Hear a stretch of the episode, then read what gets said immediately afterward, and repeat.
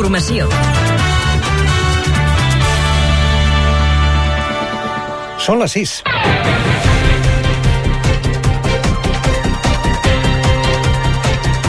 I aquests són els titulars destacats a aquesta hora. La consellera d'Educació envia una carta als treballadors dels centres educatius en què els subratlla plena confiança i els assegura que és conscient que el col·lectiu no se sent valorat i que assumeixen una càrrega excessiva de treball. El sindicat Ustec, però, demana revertir les retallades i que les paraules de la conselleria no quedin en paper mullat.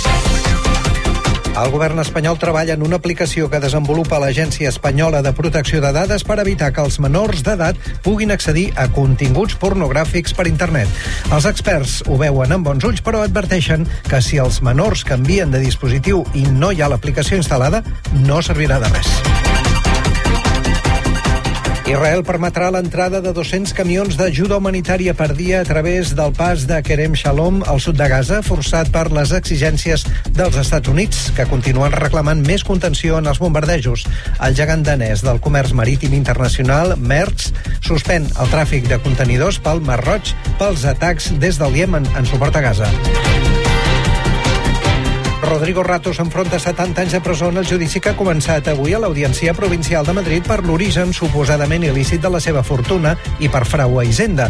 El que va ser vicepresident del govern d'Aznar s'ha negat a fer cap declaració en la primera sessió del judici i la seva defensa ha intentat anul·lar les proves que l'incriminen. Nova topada entre el Ministeri d'Economia i el de Treball ara per l'impost a les elèctriques i a la banca. Nàdia Calviño obre la porta a replantejar-lo perquè l'escenari econòmic ha canviat, mentre que Yolanda Díaz recorda que és un acord d'investidura que els sectors que s'han beneficiat de la crisi aportin més. El president del Consell General del Poder Judicial torna a denunciar una ofensiva per deslegitimar el Poder Judicial i demana als poders executiu i legislatiu que no ho permetin. Vicente Aguilarte també ha carregat contra les comissions del Congrés per investigar possibles casos de l'ofer o persecució judicial de l'adversari polític. Florín Bacal, Marlon Brando i Marcello Mastroianni són alguns dels noms a qui la Filmoteca homenatjarà el 2024 amb motiu del seu centenari.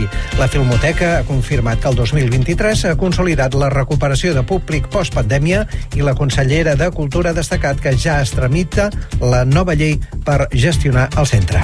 Catalunya Informació. Els esports. Xavi Hernández ha demanat unió i estabilitat a l'entorn del Barça i reitera les crítiques a la premsa que acusa de dibuixar una realitat distorsionada. El tècnic blaugrana assegura que se sent fort i que té el suport del club. Frenkie de Jong és la novetat a la convocatòria del Barça pel partit de demà al camp del València. A l'Eurolliga de bàsquet a dos quarts de nou, Barça Armani de Milà. Àlex Abrines és dubte fins última hora. Al Barça Milà el podreu seguir al canal exclusiu digital de l'app i al web de Catalunya Ràdio i a la plataforma 3CAT. I l'Espanyol n'ha anat cap a Andorra, on demà té partit de Lliga de segona. Tres dels quatre centrals de l'equip blanc i blau no podran engegar Calero per sanció i Cabrera i Víctor Ruiz per lesió.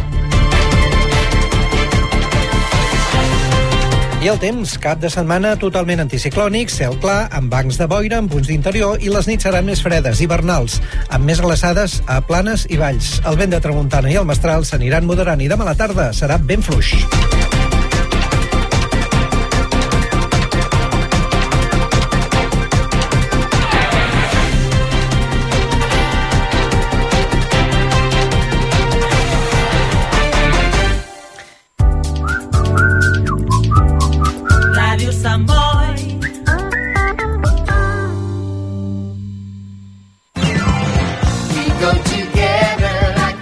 Te'n recordes? El 1978 es va estrenar a tot el món la pel·lícula Gris. El mateix any obria les portes d'Aos Moda Home al carrer Francesc Macià 86 de Sant Boi. Ara, després de 45 anys d'història i proximitat, Daos Moda Home liquida per jubilació. Tratxes des de 50 euros, camises i jerseis des de 25 euros i centenars d'articles de moda i complements a preus de pel·lícula durant les properes setmanes. Daos Moda Home al carrer Francesc Macià 86 de Sant Boi t'ofereix, com sempre, la millor atenció i qualitat.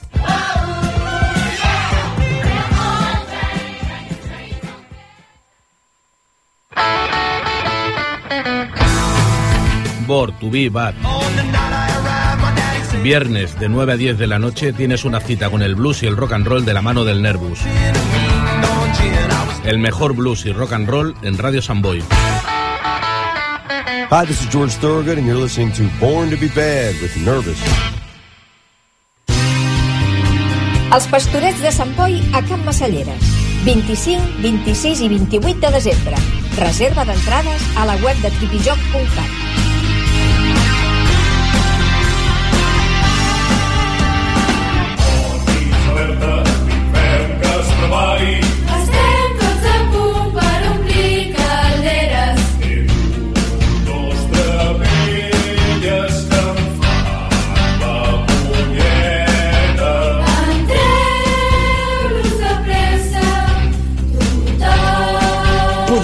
pastors escapar-se de les calderes d'en Pere Botero?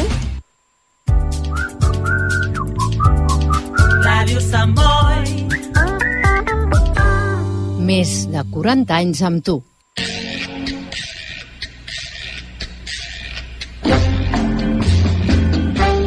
Gerada. El cinema que coneixes i el que no podries imaginar.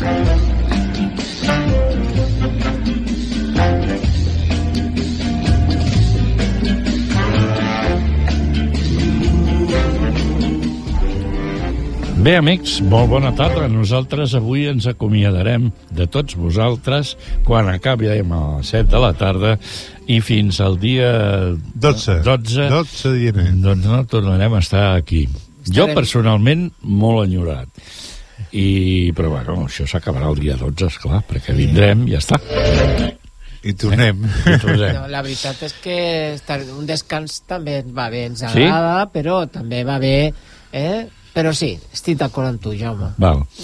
Uh, les pel·lícules que tenim aquesta setmana, oi? Sí. Bueno, No hi ha cap, cap pel·lícula d'estrena? Aquesta anatomia d'una caiguda, no? No, perquè es van estrenar la Ah, setmana, la setmana passada, passada. eh, perquè es va ser molt llarga el, el pont, llavors van fer el, els estrenos una mica abans del divendres. Però però, com però, que- bueno, però continuen tres pel·lícules importants. Sí. Aquí tenim, per exemple, la directora d'aquesta pel·lícula, Justine Triet, amb Sandra Huller i Swan Arlon, que ens porta una història a l'entorn de la Sandra, el Samuel i el seu fill de 11 anys, Daniel. Viuen una mica allunyats de tot a la muntanya. Un dia troben Samuel mort al peu de casa seva. Sobre una investigació per mort sospitosa i no triguen a inculpar Sandra.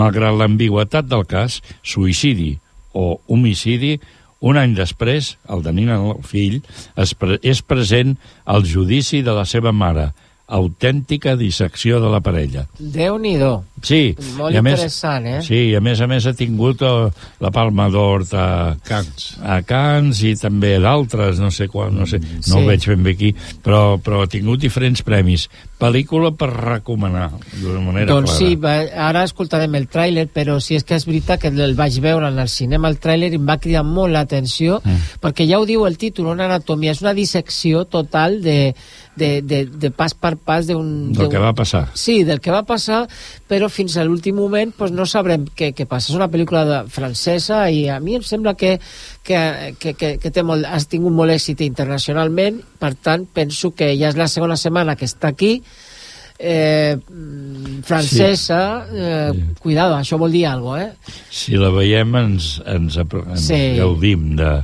de, del cinema, vaja. Pues anem a escoltar Molt bé, anem a escoltar, sí.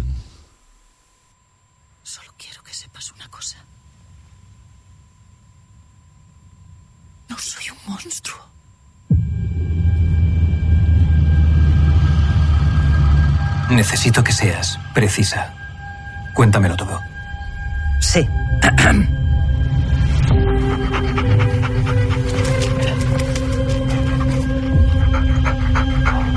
No lo sé, creo que se ha caído. La ventana estaba abierta. La autopsia no es concluyente. Va a ser difícil defender una caída accidental. Por eso han abierto una investigación por muerte sospechosa. Eres la única persona que estaba presente. Y encima, eres su mujer. Alto. Yo no lo maté. Esa no es la cuestión. Discutisteis la víspera de su muerte. Tienes que empezar a verte a ti misma como los demás te percibirán.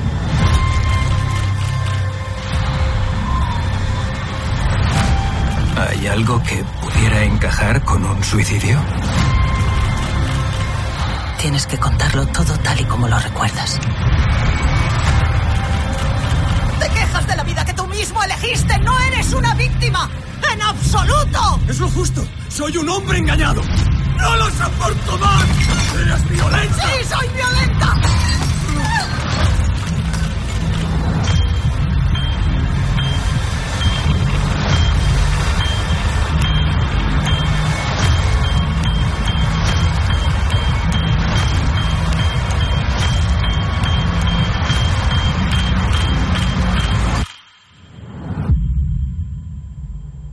Inocente, lo sabes, ¿verdad? Bé, està bé, no? Sí, sí. Eh, eh, està fet d'una manera que vull dir que pots pensar que pot anar cap aquí, cap allà. Clar, cap- això, això... Igual després te- se desinfla una miqueta, no? Sí, però però no. eh, ja et crida l'atenció tant les paraules, eh, la història... Sí, sí. Sí, primer diu que es mostra, que és innocent, que no ha fet res, Sí. sí. trenquen coses, molt interessant. Molt bé. Seguidament parlarem de Wonka i escoltarem també el, el tràiler, no?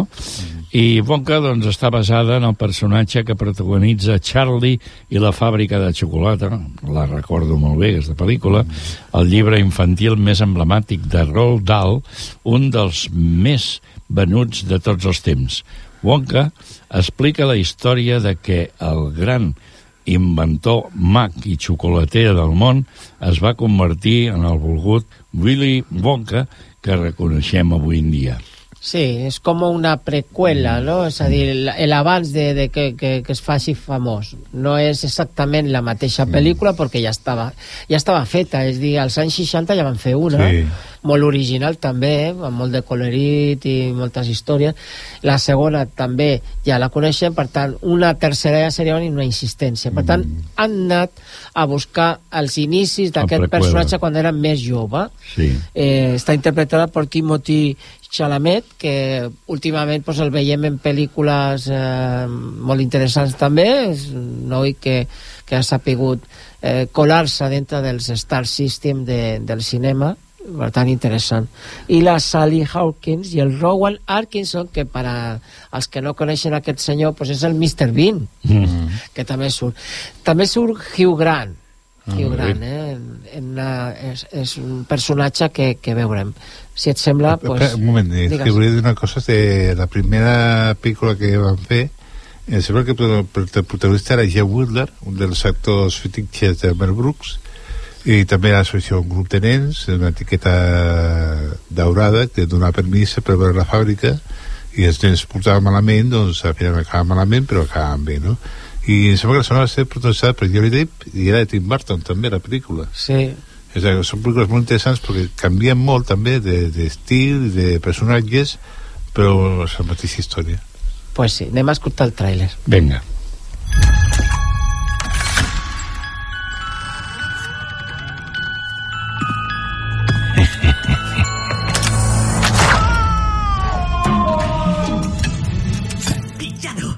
Así que usted es el hombrecillo que me ha estado siguiendo. ¿El hombrecillo? ¿Cómo se atreve? Para su información, tengo un tamaño más que respetable para ser un umpalumpa. ¿Un umpa qué? De hecho, en Lumpalandia se me considera un grandullón. Me llaman el grande. Lo siento. Damas y caballeros, saludos a todos. Me llamo Willy Wonka. Verá, soy una especie de mago. Prepárese para maravillarse. Una tetera. Inventor. Les presento el automático Wonka paseador de Willy Wonka. No me hagan repetirlo. Y chocolatero. El mejor chocolate del mundo. Es bueno. Demasiado bueno. Y todos pueden permitírselos, hasta los... ¿Los pobres? ¡Oh! No le gusta que nombren a los pobres. Queremos mandarle un mensaje a Wonka. ¡Nada de vender bombones en esta ciudad! O recibirá algo más que ese golpe en la cabeza. ¿Qué golpe en la cabeza? ¿Pero qué me pasa hoy? Debería plantarles cara. Se merecen un 1-2. Tengo una idea. ¿Por dónde empezamos? Por hacer chocolate, evidentemente.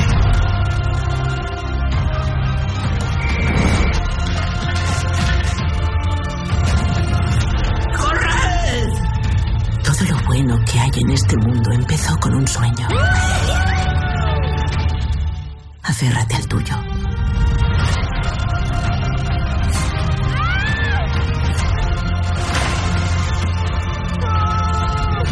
Ha llegado la hora de cambiar el mundo.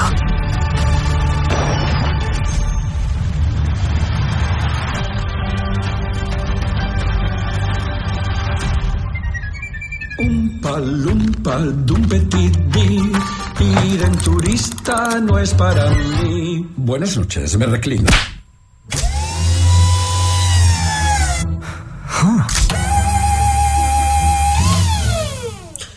¿Qué sucede? Nada. Bueno, algo pasará porque ha dicho "Ah". Olvídelo. Muy bien. Ah. Oh, lo ha hecho otra vez. Dígame ya qué pasa o le clavo un palillo con mala uva. Bueno, què? Haurem de veure-la, a veure què Molt passa aquí. divertida. Bueno, serà de fantasia i, bueno, està clar. Sí, sí. Bueno, val a dir que també que Edu Soto està fent un musical de, del Wonka, també. Ahà.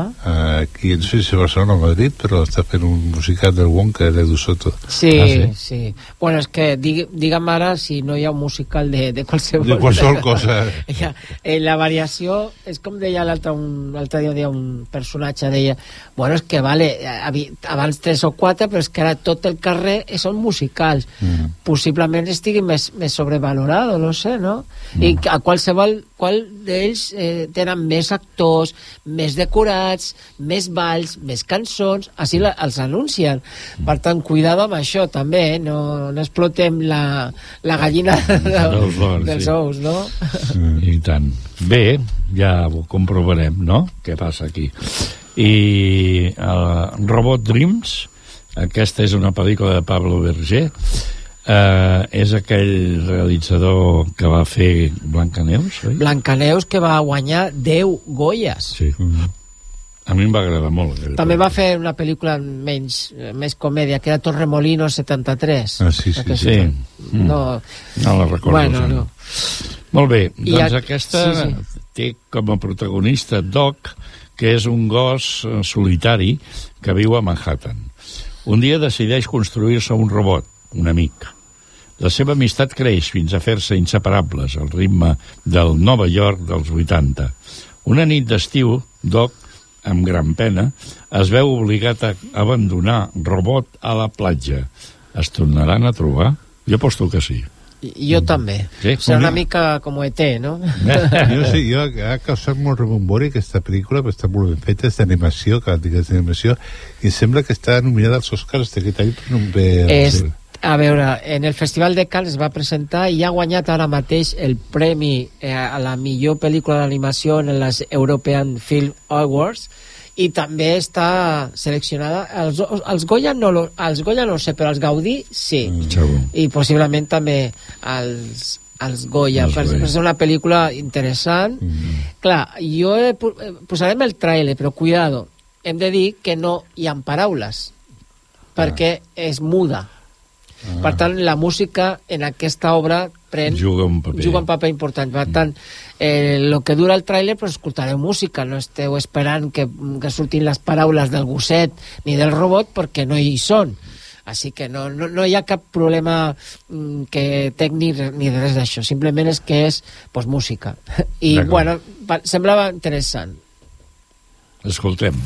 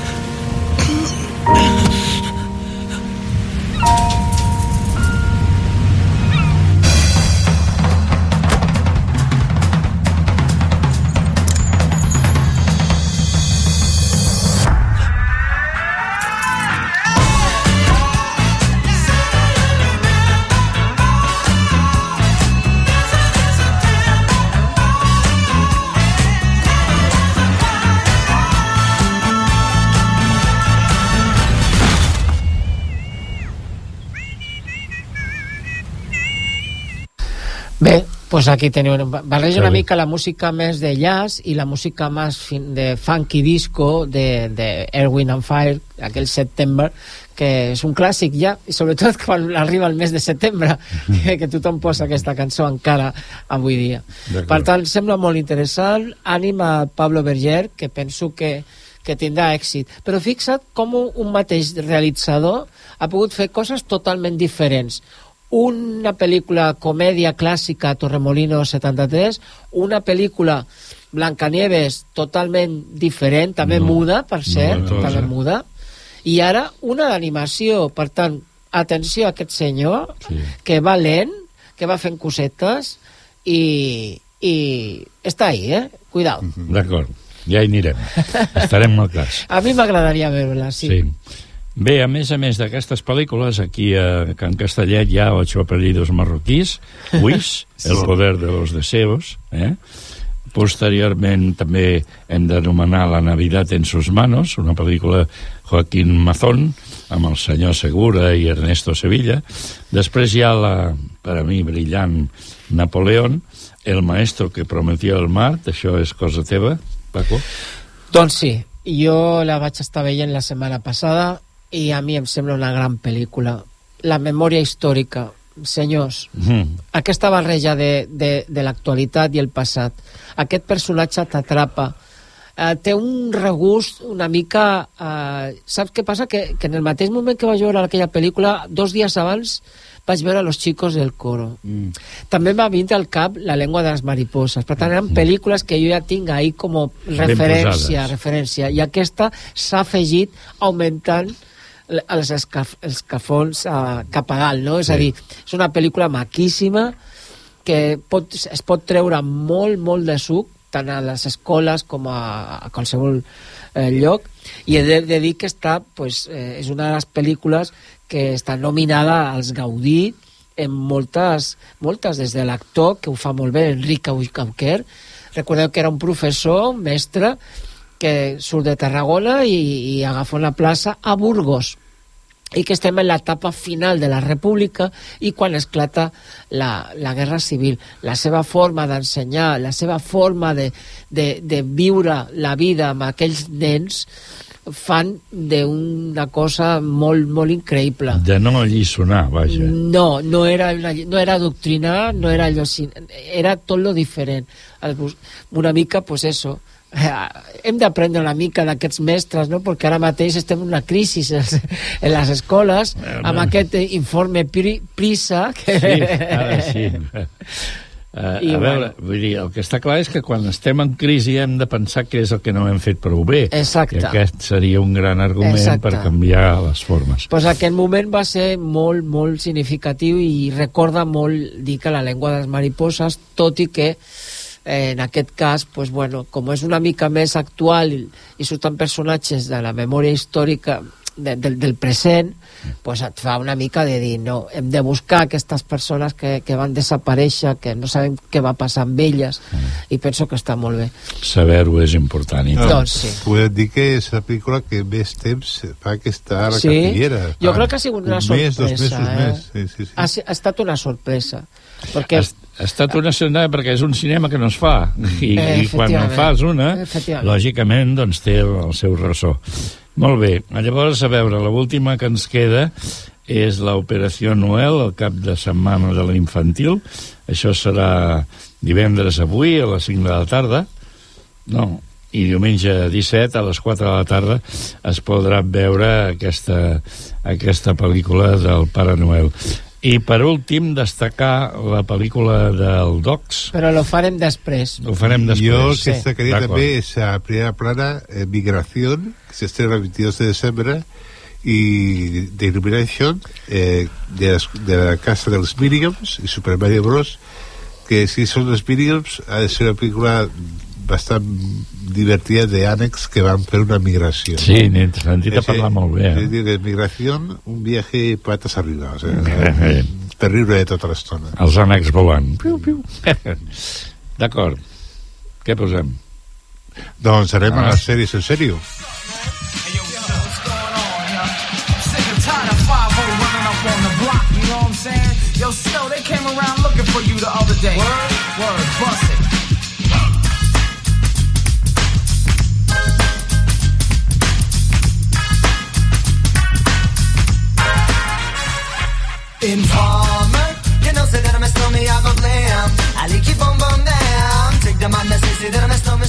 Sí, no, ens hem equivocat de, de cançó. No, Ha ja vaig dir que era de... No, no, no, no. You're Dead. No, no, no, esta no era la cançó. Ah, bueno, pues, eh, comencem a parlar de... No sé. Eh, bueno, eh, la cançó és, eh, pertany a, a una sèrie que aquesta no és una que és You Are Dead, però bueno, eh, lo que hacemos en las sombras eh, és la temporada cinquena, capítol 10, que té capítols, i al vell mig de Nova York es trobem vivint, es troben vivint una família de vampirs composada per Nandor, el vampir més vell, Laszlo i Nara, una parella unida fa molts anys, Robin Collins, un vampir que s'alimenta d'energia vital, menjant l'olla de la víctima, i finalment en Guillermo, un familiar que té compte de tots ells, però amb la necessi- necessitat de ser com un d'ells. Es tracta d'una comèdia amb motius molt absurds i estrafolaris i com s'intenta adaptar a la vida moderna creant situacions hilarants i molt divertides. Això sí, amb llenguatge molt gruller i moltes referències sexuals. Són 20 minuts que passen de seguida i amb ganes de veure un altre capítol. Una altra sèrie molt interessant que m'agrada moltíssim, l'he acabat de veure, eh, Stage Angeling, temporada primera, capítol, capítols 8. Al, al principi tot sembla una sèrie més, una sèrie normal d'una parella que s'enamora, però tot el que va passant es torna en una història de fades que quasi no t'arribes a creure. Tot comença quan Apolo s'enamora d'una noia i aquesta anar a Brasil on una bruixa li fa una pulsera amb els seus desitjos i ha de deixar que es desfaci sola. Però Apolo, que es diu a si mateix que és un déu, li talla abans d'hora. Es casen i tenen un fill. Aquesta noia es ve perseguida amb textos i fotografies que desapareixen i arriba a creure que el seu fill és un monstre i l'arribarà a matar. Ella desapareix i Apolo, després de l'impacte, la cercarà fins a arribar a una illa de, Manha de Manhattan on només hi ha dones i nens maltractats. És, és molt interessant perquè a mesura que passa la sèrie vas veient que passen les coses però és com un conte, és un conte que va creixent, va creixent i és molt interessant de veure aquesta sèrie suposo que tindrà una segona temporada i molt macracis No molt, és pas de terror, això, no. Mm, ter insinua terror però és més ben fantàstic Bueno. o sigui, comences a veure la sèrie que és normaleta d'una parella que es troba i hi ha coses estranyes eh, per exemple que té el fill al metro està al metro i pareix al metro però a la medida que va avançant és, és com un, un llibre que té ell que tot es va complint tot es va fent Uh -huh. és una altra sèrie bastant interessant, molt interessant, és El Mètode, tem primera temporada, 16 capítols. Durant la festa de graduació dels agents judicials assassinen una de les seves companyes. La protagonista es fixa en el comissari que atén el cas i vol, que les pràctiques, vol fer pràctiques amb ell i aprendre el seu mètode. A mesura que van resolent casos horribles i molt sagnants, la noia s'adonarà que el comissari és a la vegada jurat, jutge i butxí matant a tots aquells que han fet un crim. Paral·lelament, la noia descobrirà els secrets que rodeixen la seva família i el terrible final que ningú li va explicar. I com ara està de moda la cuina i les coses així de menjar i concursos de cuina, us proposo la última, que és Jugando con Fuegos, temporada primera, capi sis capítols, que aquest Jugando con Fuegos juga amb el títol que es referent a la cuina, als focs de la cuina, i a vegada amb el perill de jugar amb foc. Una jove chef vol obrir un restaurant, però el seu negoci, el seu soci, lloga el local per una partida privada de pòquer amb la mala sort que són atracats la nit d'obertura. Els mafiosos es queden amb la meitat del negoci, però tot va de manera pitjor. Un mafiós rus, amb la tapadera del local, els extorsionarà per tal que li tornin els diners. També els farà passar drogues d'una manera molt especial, sempre amb la, pensant en la cuina. La chef intentarà portar a terme el seu somni, però tot va a la contra. Molt bé, déu nhi Aquesta t'agrada, eh, veig. És molt, és molt bona, és molt, Està bona, és molt molt, bona. Perquè aquesta chef s'ha d'inventar coses perquè el mafiós pugui fer tractes i adaptar el restaurant a tota la màfia que hi ha al voltant, amb els vins també, canviant vins i això, està molt bé. Ja treballa tothom. Mm. Eh, que sí? Molt bé. Doncs... Pues jo volia parlar de... fer un petit homenatge sobretot a una de les dues actrius que ens han deixat durant aquestes dues setmanes. Mm. Una ha sigut la Itziar Castro, que té molta Castro. relació amb, amb Sant Boi, perquè va fer moltes coses aquí. Eh, és molt simpàtica. Itziar Castro? Sí, Itziar Castro, aquella noia... Bueno, doncs aquesta noia eh, ens ha deixat molt jove, com 40 i pico d'anys, molt compromesa amb, la, amb, la, amb els drets de les persones homosexuals, lesbianes, i bueno, la vaig conèixer fa dos anys, eh, signant el llibre, el seu llibre en la, en la paradeta que van posar de l'Ajuntament i la veritat que va no, no sé, va, quedar, va, va ser de sobte, va morir de, de, un, de mort, molta mort súbita i la veritat que, bueno, molt malament. Havia fet papers molt petits, eh, de secundària, eh, va ser nominada als Goya per la pel·lícula Pieles, eh, bueno, eh, era molt coneguda, però no havia encara tingut el seu personatge amb un gran èxit, però sí que ha estat molt, estat molt aquí. interessant la seva trajectòria, una Ha llàstima. estat aquí, eh? Sí. Bé. I després l'altra, evidentment, m'agradaria parlar de la Concha Velasco, evidentment, perquè eh, penso que ha sigut una actriu molt completa. Recordem que Concha Velasco va començar com a ballarina allà pels anys 50 i va començar la seva trajectòria el cinematogràfica amb una pel·lícula que es deia La reina mora. Després le va seguir Las chicas de la Cruz Roja Los tramposos, El día de los enamorados. Bueno, pel·lícules dels 60 penso que és una senyora que ha estat en totes les dècades mm. i en els canvis d'estils i gèneres cinematogràfics espanyols. Mm. Perquè després dels 70 també va estar en aquella Espanya que s'obria, la transició, pel·lícules més inferiors, però pel contrari als 80 va tindre un gran protagonisme, em sembla La Colmena, Esquilache... En els 90 eh, encara va fer coses més, més sèries, com Más allá del jardín. Recordeu també que va fer teatre i les sèries de televisió com Teresa de Jesús en el 84 ahí van veure una Concha Velasco totalment diferent eh, pel·lícules com la saga de eh, sèries com la saga de los ríos. Bueno, un Mamà quiero ser artista que és una cançó que també l'ha seguit molt. I també mm. recordeu que va fer va tindre dos parelles cinematogràfiques. Per una banda Tony Leblanc eh, en els anys 50 i 60 i luego en els 70 Manolo Escobar Mm. que no hem oblidat aquesta, aquesta relació que van fer 3, 4 o 5 pel·lícules amb molt d'èxit, perquè Manolo Escobar també tenia molt de tirón. Mm. Ja no era l'època aquells dels 60 com Rafael o Miguel Ríos que feien la seva pel·lícula musical per promocionar les seves cançons va ser una altra història. Manolo Escobar va, va, va tindre un gran èxit. I Concha Velasco era la seva dona, no?, en, Mhm. en aquestes pel·lícules.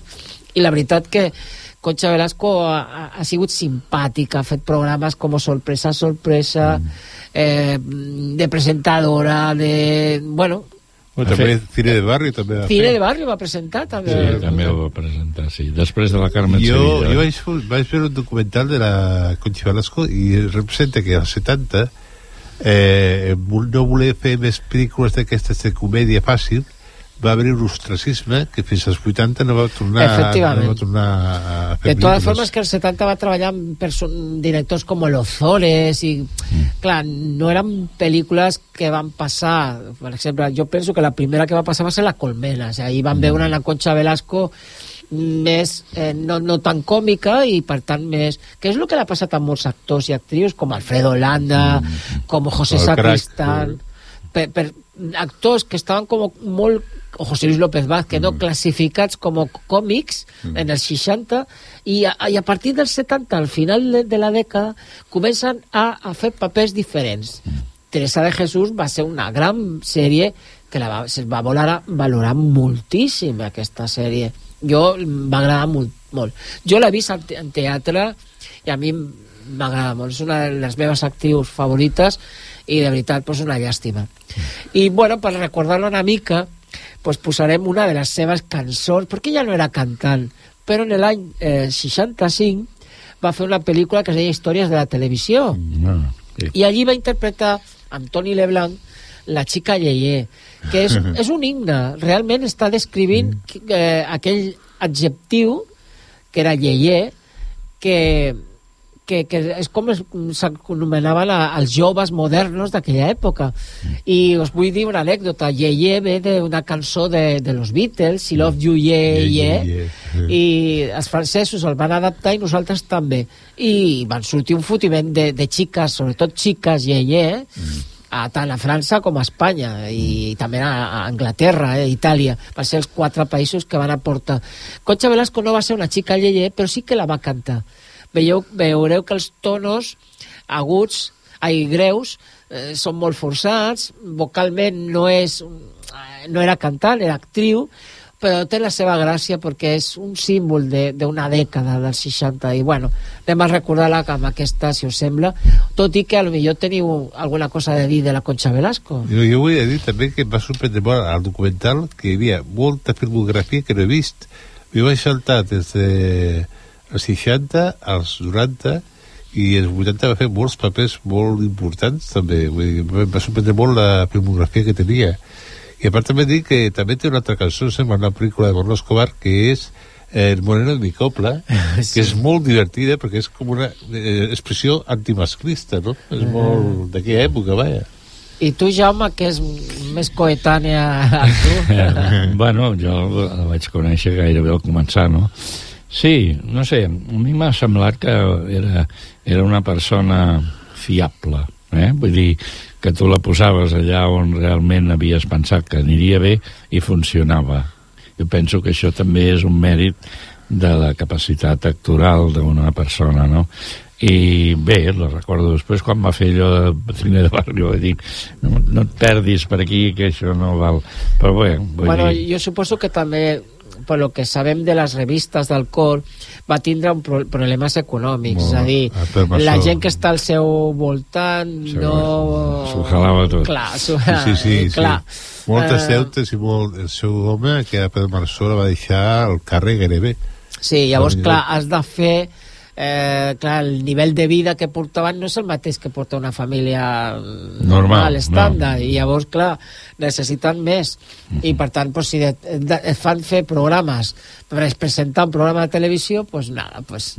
I un altre detall, la piga, la piga que portaven no era original d'ella.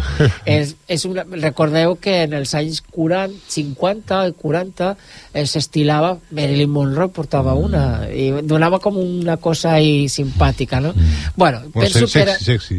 era un, com dius tu Jaume una actriu amable vull Sí, dir, sí. transparent no diva i això pues, a la gent li agrada Sí, diria que no la van atrapar amb el Star System No. espanyol no. No. i llavors això crec que és un mèrit per part Sí. És d'ella. que s- s'aproxima molt a l'espectador, no? Dir, Sí. de fet, semblava com si fos una amiga, una, Sí. una manera d'actuar, no? No és distanciament, no? No hi havia distanciament amb aquesta dona. doncs hem escoltat la xica Yeye Jaume Yeye. No te quieres enterar que te quiero de verdad. No te quieres enterar. No te quieres enterar. Yeah, yeah, que te quiero de verdad. Yeah, yeah, yeah, yeah. Y tendrás que pedirme de rodillas un poquito de amor, pero no te lo daré. Yeah, yeah, porque no te quiero ver. Yeah, yeah, yeah, yeah. Porque tú no haces caso ni te apiadas de mi pobre corazón. Una chica, una chica yeye, que tenga mucho ritmo y que cante en inglés. Eh, eh, El pelo alborotado y, y las medias de color. Una chica yeye, una chica yeye, que te comprenda como yo no te quieres enterar. Yeah, que te quiero de verdad. Yeah. Y vendrás a pedirme y a rogarme. Y vendrás como siempre a suplicarme. Que sea tu chica, tu chica. Que que sea tu chica, yeah, yeah. Que sea tu chica, tu chica, yeah, yeah. Que sea tu chica, yeah, yeah.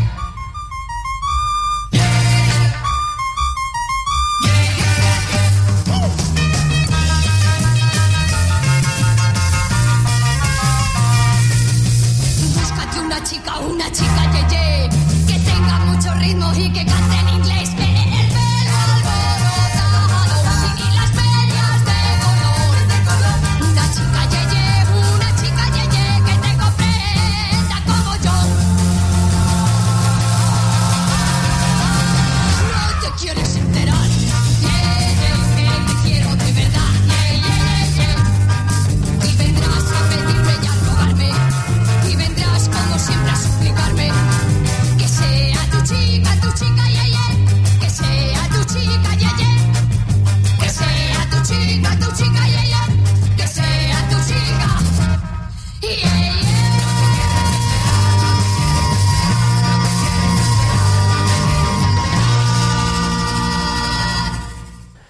Doncs aquest era el petit homenatge que hem fet a la Concha Velasco, una de les actrius més populars del cinema i del teatre i de la televisió i de, i, bueno, i de la música no tant, però bueno. I bueno, com ha dit el Jaume, pues, en els cinemes Can Castellet pues, fan, tenim el, el documental del mes, el Docs per tu. I per parlar del Docs per tu tenim el nostre col·laborador Martí a, a Tance, que està a l'altre costat del telèfon per a parlar-nos de la, aquesta pel·lícula que s'estrenarà aquest dimarts. Bona tarda, Martí. Hola, bona tarda, com esteu? Bona tarda, què tal? Divertits d'escoltar-te. Digue'ns. Doncs sí, sí, així com, com bé dieu, aquest, aquest dimarts tornem a altre cop amb el Docs per tu, aquest tercer documental que es diu Tota una vida, de la directora Marta Romero. I? De pues, què va això? Explica'l una mica eh, què, què trobarem aquest, en aquest documental. Doncs en aquest cas és un cas una mica especial, com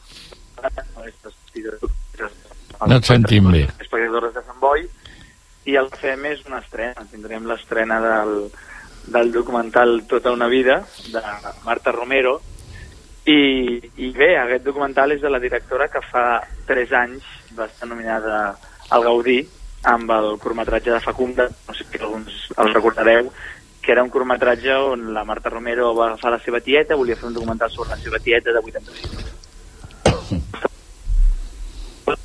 Es talla. que va rodar em, em sentiu bé? Sí, Ara sí, sí, però es hi ha- talla, hi ha es moments talla que una no. mica, Hi ha, pro- hi ha Martí. problemes. A veure si canvies de lloc, igual s'escolta una mica millor. Martí? Doncs que amb, amb, Ah, sí. tot, el, amb tot el contingut de, del que va rodar eh, agafant imatges de la seva tieta va aconseguir fer un curtmetratge que li va quedar més una comèdia que un curtmetratge de, de seguiment del dia a dia de la seva tieta. Llavors van fer una mena de poti-poti i va sortir aquest, aquest documental curtmetratge eh, que es deia Facunda com que va estar nominat al Gaudí, es va animar i va veure que el que podria fer era un llarg documental i és així doncs com va sortir eh, la nova pel·lícula documental de Marta Romero, que és Tota una vida, on fa un seguiment dels seus dos avis, del José i de la Trini, i eh, els, els grava durant 10 anys i amb més de 200 hores guardades i, i gravades aconsegueix fer aquest documental on apareix un antagonista que és la malaltia de l'Alzheimer i, i veus com ha de, de combatre una família, una neta, davant de- d'un ser estimat que contrau la, la malaltia. Ho conec, ho conec, això, sí. La, la veritat és que és una història, però ja el títol ja t'està dient, no? Perquè sembla ser que aquesta parella, com dius, eh, portava més de 60, un- 60 anys junts i és com ella bueno, cau en aquesta malaltia tan especial com és l'Alzheimer i com el, el marit, l'avi de la directora pues, la cuida i després també sembla que hi ha diferents espais, perquè va gravar també espais a la casa, però també quan afor- desafortunadament pues, has de portar aquesta persona a una residència també, no?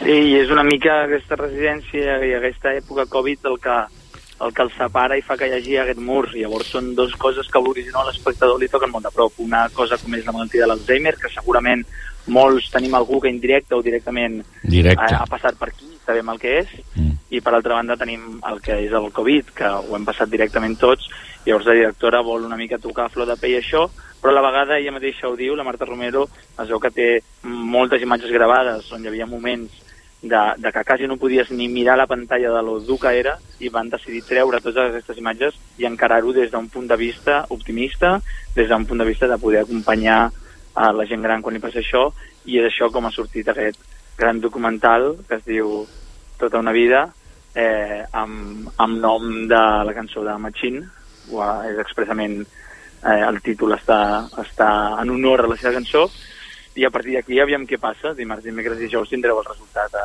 Sant Boi i segurament tindrem la sorpresa de la presència de la directora Marta Romero per Ah, això està Uau. bé. En quina sessió, la primera o la segona? estem mirant com que ho fem tres dies segurament serà pel, pel dimarts a la sessió de les 9 Uh -huh. Molt bé. Acabem de confirmar. Molt bé. Bueno, bueno, pues moltes gràcies, Martí, per la teva informació. Recordeu, eh, Docs per tu, aquesta setmana s'estrena Tota una vida, de la Marta Romero Coll, i la podreu veure doncs, el dimarts 19, dimecres i dijous, Mm. a les 5 i a les 21.15 també, no? D'acord. Així és. Mhm. Doncs... I esperem, i esperem que, que gaudiu no només d'aquest documental, sinó de tota aquesta carta de documentals que us oferim als cinemes. Doncs sí. D'acord. Ara Moltes- posarem el tràiler perquè la gent també la pu pugui veure i... Bueno, veure, escoltar i perquè la gent se sensibilitzi i pugui anar eh, a, a veure'l en directe perquè crec que aquesta vegada també eh, una altra vegada, com, com he dit molt, molt sempre, eh, el Martí selecciona i el seu equip eh, seleccionen documentals que sempre es toquen la fibra, vull dir que no... No és qualsevol cosa. Exacte, Jaume, ja m'has ajudat. No, no, de qualsevol cosa jo crec que sortirem bastant emocionats a les sales Molt i aviam si ens trobem allà, perquè realment és molt recomanable. Doncs Martí, eh, bon any nou, bones, bon Nadal i tot el que, tot lo que vingui d'aquestes que festes i fins l'any que ve. Doncs així és. Gràcies. Festes I ens veiem el 2024 amb molta més ràdio i més cinema. Ah, això m'ho dit. La ràdio sobretot, eh? Vinga. Que vagi bé. Una Gràcies. Adéu, adéu. Igualment, adeu. Tú estate ahí un rato, eh, que te estoy grabando.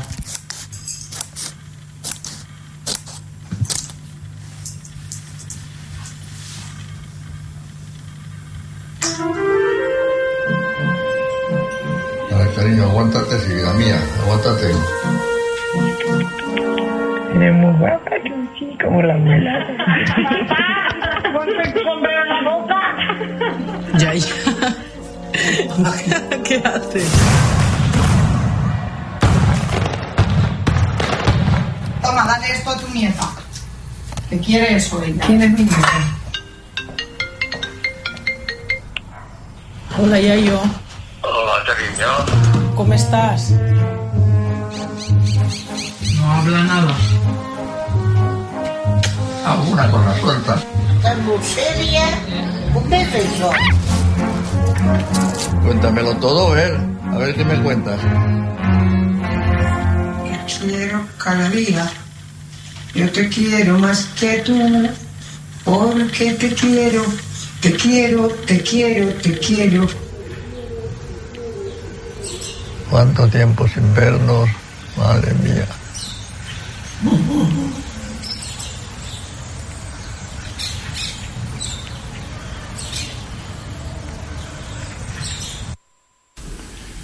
Bueno, és un petit tastet de, de lo que... Però n'hi ha, ha de Sí, sobres per saber sí, de què va això, exacte, eh? exacte. I tant. Molt bé. Uh, ahir vaig estar passant i veient, lògicament, la pel·lícula Habita- L'habitació del hijo, La estança del figlio, del 2001 de Nani Moletti. No sé si el coneixes, el Nani Marent, sí, sí, Abril... i tant, sí. És un gran realitzador, eh? La veritat és que em va arribar fins a dins de tot, eh? És una manera de... La, la pèrdua d'un fill, tenen una filla també, i la pèrdua d'un fill, la filla acompanya també molt bé tot el que és el drama que viu eh, pare i mare, no? I la veritat és que, que saps aquelles pel·lícules que dius aquí no hi sobra res, absolutament. Tot el que anem veient és així de sensible, és com milimètricament posat allà en imatges, i la veritat és que em va, em va impressionar molt. Hi ha una, hi ha una constant que, que penso que és molt interessant. Probablement me l'heu sentit a dir més d'una vegada, però jo crec, diu, no és una pel·lícula comercial d'aquelles que agraden a tothom, sinó que és un film intimista que intenta fer reflexionar les persones. Potser estem cansats de veure desgràcies en el nostre entorn i volem anar al cinema a distreure'ns, però L'habitació del fill és una d'aquelles pel·lícules rodades amb molt de sentiment, que expressa molt bé la mort, que l'amor, l'estimació, eh? que podem sentir cap a les persones que ens estimen, així com la idea de que, passo, de que passi el que passi, demà ens hem de llevar per seguir endavant. O sigui, són aquestes petites reflexions que duren ben poquet, com heu vist, però que et serveixen per situar en un espai diferent del que probablement estàs acostumat, com jo mateix amb els westerns però veig una pel·lícula d'aquestes i se'm trenca el cor, no? Vull dir, això és molt, molt interessant. Molt bé, doncs això és el que va ser aquesta pel·lícula tendre, amable, molt ben retallat, el tot plegat, i que la peça, les peces musicals que s'escolten també són molt interessants. És de Nicola Piovani, Piovani, és un realitzador musical molt interessant també. Sí. I, bueno, és de italiana, lògicament, perquè ell és italià i, i fa aquest cinema així tan, tan maco. Sí, Bueno, tenim, eh, tenim aquí el, el, la programació de la televisió que avui Sí. podem destacar algunes pel·lícules com per exemple Abre los ojos de Alejandro Amenábar Hombre. que en la 2 a les 10 de la a les 10 de la nit la poder veure amb la, Tom- Tom Cruise, no? amb l'Eduardo Noriega Ah. i amb la Penélope Cruz, sí. Mm. Després teniu una altra pel·lícula a la, a la mateixa hora, però en la televisió espanyola, el 007 Casino Royale. Mm. Ah, I, i després GoldenEye. GoldenEye també? GoldenEye també després. Després eh, per exemple que ja han fet ja eh, Skyfall, Spectre, Skyfall i estan a punt de fer eh, eh, Sin tiempo para morir, que, que, Ah, que, vale, que el sí. COVID, que yo diría Sin tiempo para ver, porque no, no hay Mm, manera de que la hagan. Sí, sí. I en la 4, doncs, el Camino de la Venganza a les 10 de la nit en la, en la 4 amb, amb Philip Aguirre i Nicolas Cage, Clint Howard Ui, aquest. bueno, una pel·lícula també de, de, de pistolers eh? com mm. parlava de l'oest pues, Mhm. una mica així i bueno, eh, crec que a, a TV3 eh, que soni la música una pel·lícula que he vist el, el tràiler m'ha semblat molt interessant la veritat, tot i que aquí no està com des, molt destacada però jo que he vist el, el tràiler a TV3 mm, semblava molt interessant basada en un fet real. Eh, f- és un grup que fan un coro de, de música i han d'actuar en una situació complicada. Bueno, vull dir que eh, esteu atents que les pel·lícules avui de la televisió Sí, que no sempre Jo vull, No sempre. jo vull avançar també que diumenge em sembla la primera fancoda que és la música com interpreten els que no poden sentir, els sords. I és una pel·lícula molt interessant perquè va guanyar també molts premis en aquella època i pot ser molt interessant com, com els sords poden captar la música i com... Ah, eh, aquesta és francesa, no? mm, no ho sé si és espany... no ho sé. No, hi ha una de francesa que hi ha una noia, sembla que és una noia, que no, com que no hi sent, no canta, clar. Eh? No, però això és música en general, com, com els sols poden captar la música.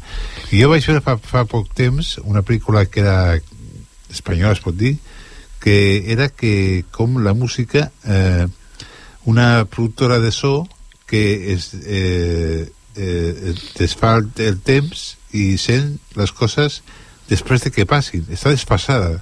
Ja. I llavors va vivint la pel·lícula i va vi- vivint que tot el que passa ja ha passat, no? I no pot controlar la seva vida fins que hi ha un moment que fa com una reflexió i s'avança al so i s'avança a les coses que passaran i hi ha un moment, hi ha un moment que, que se sent que es trenca una tassa i abans que es trenqui l'agafa no? és molt que finalment aconsegueix eh, eh, posar correctament el so i, la productora de so que és, és, és això, veure com la dificultat de posar el so en un moment o un altre, no? I aquí que ho havien de desfassar endavant o endarrere, no? Mm. I la dificultat de la producció de so que hi Ja, havia ja l'he vista, aquesta, també. Està sí, molt bé. Sí, sí. Molt bé. quins són els vostres desitjos pel cinema del Ah. 2024? bueno, que les pel·lícules sigui com les que has anomenat tu, no? El professor, eh? que, que tinguin aquesta capacitat de memòria històrica, també, això és una gran cosa. I llavors, no sé, jo penso que els anys 80 no tornaran en quant a la versió autoral del cinema, que hi havia un seguit de cineastes que t'omplien de joia, no? però que pogués haver-hi, encara que sigui amb dosis petites, doncs el record d'aquesta època, època tan bona i llavors veure, per exemple, un Visconti, un Pasolini, jo que sé, Fassbinder, no?, que aquest també a mi em va robar el cor, eh, el Fassbinder, us ho asseguro. I, i sobretot, Visconti, Visconti i el Gato Pardo. Oh, eh, avui, ahir, ahir hi havia... Eh, no sé qui, qui ho ha anomenat avui, ho he escoltat, em sembla que és una, un punt... Ah, sí, que, que mm, hem de canviar alguna cosa perquè tot quedi igual, més o menys, una cosa així és, oi?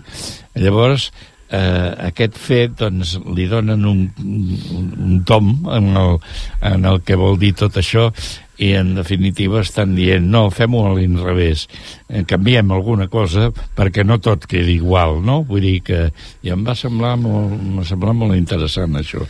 Això és el que tenim doncs com... Tens alguna peça musical? Sí, eh? para acomodaros. Oh. Recordé la película aquella del, del... Ay, ¿cómo era? El- Un padre en apuros de 1996, que era Schwarzenegger que buscava una joguina Ah, que és, Ah, sí, sí, sí. pues havia una cançó que era més antigua, del 57, però que en aquestes dades pues, és, és normal que es posi. És un, una Nadala, Ah. una Nadala de, de cinema. D'acord. I amb Molt bé. això pues, acomiadem els nostres uh, oients fins a l'any que ve. Sí.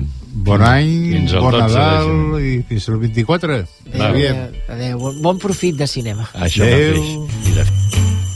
Jingle bell, jingle bell, jingle bell rock.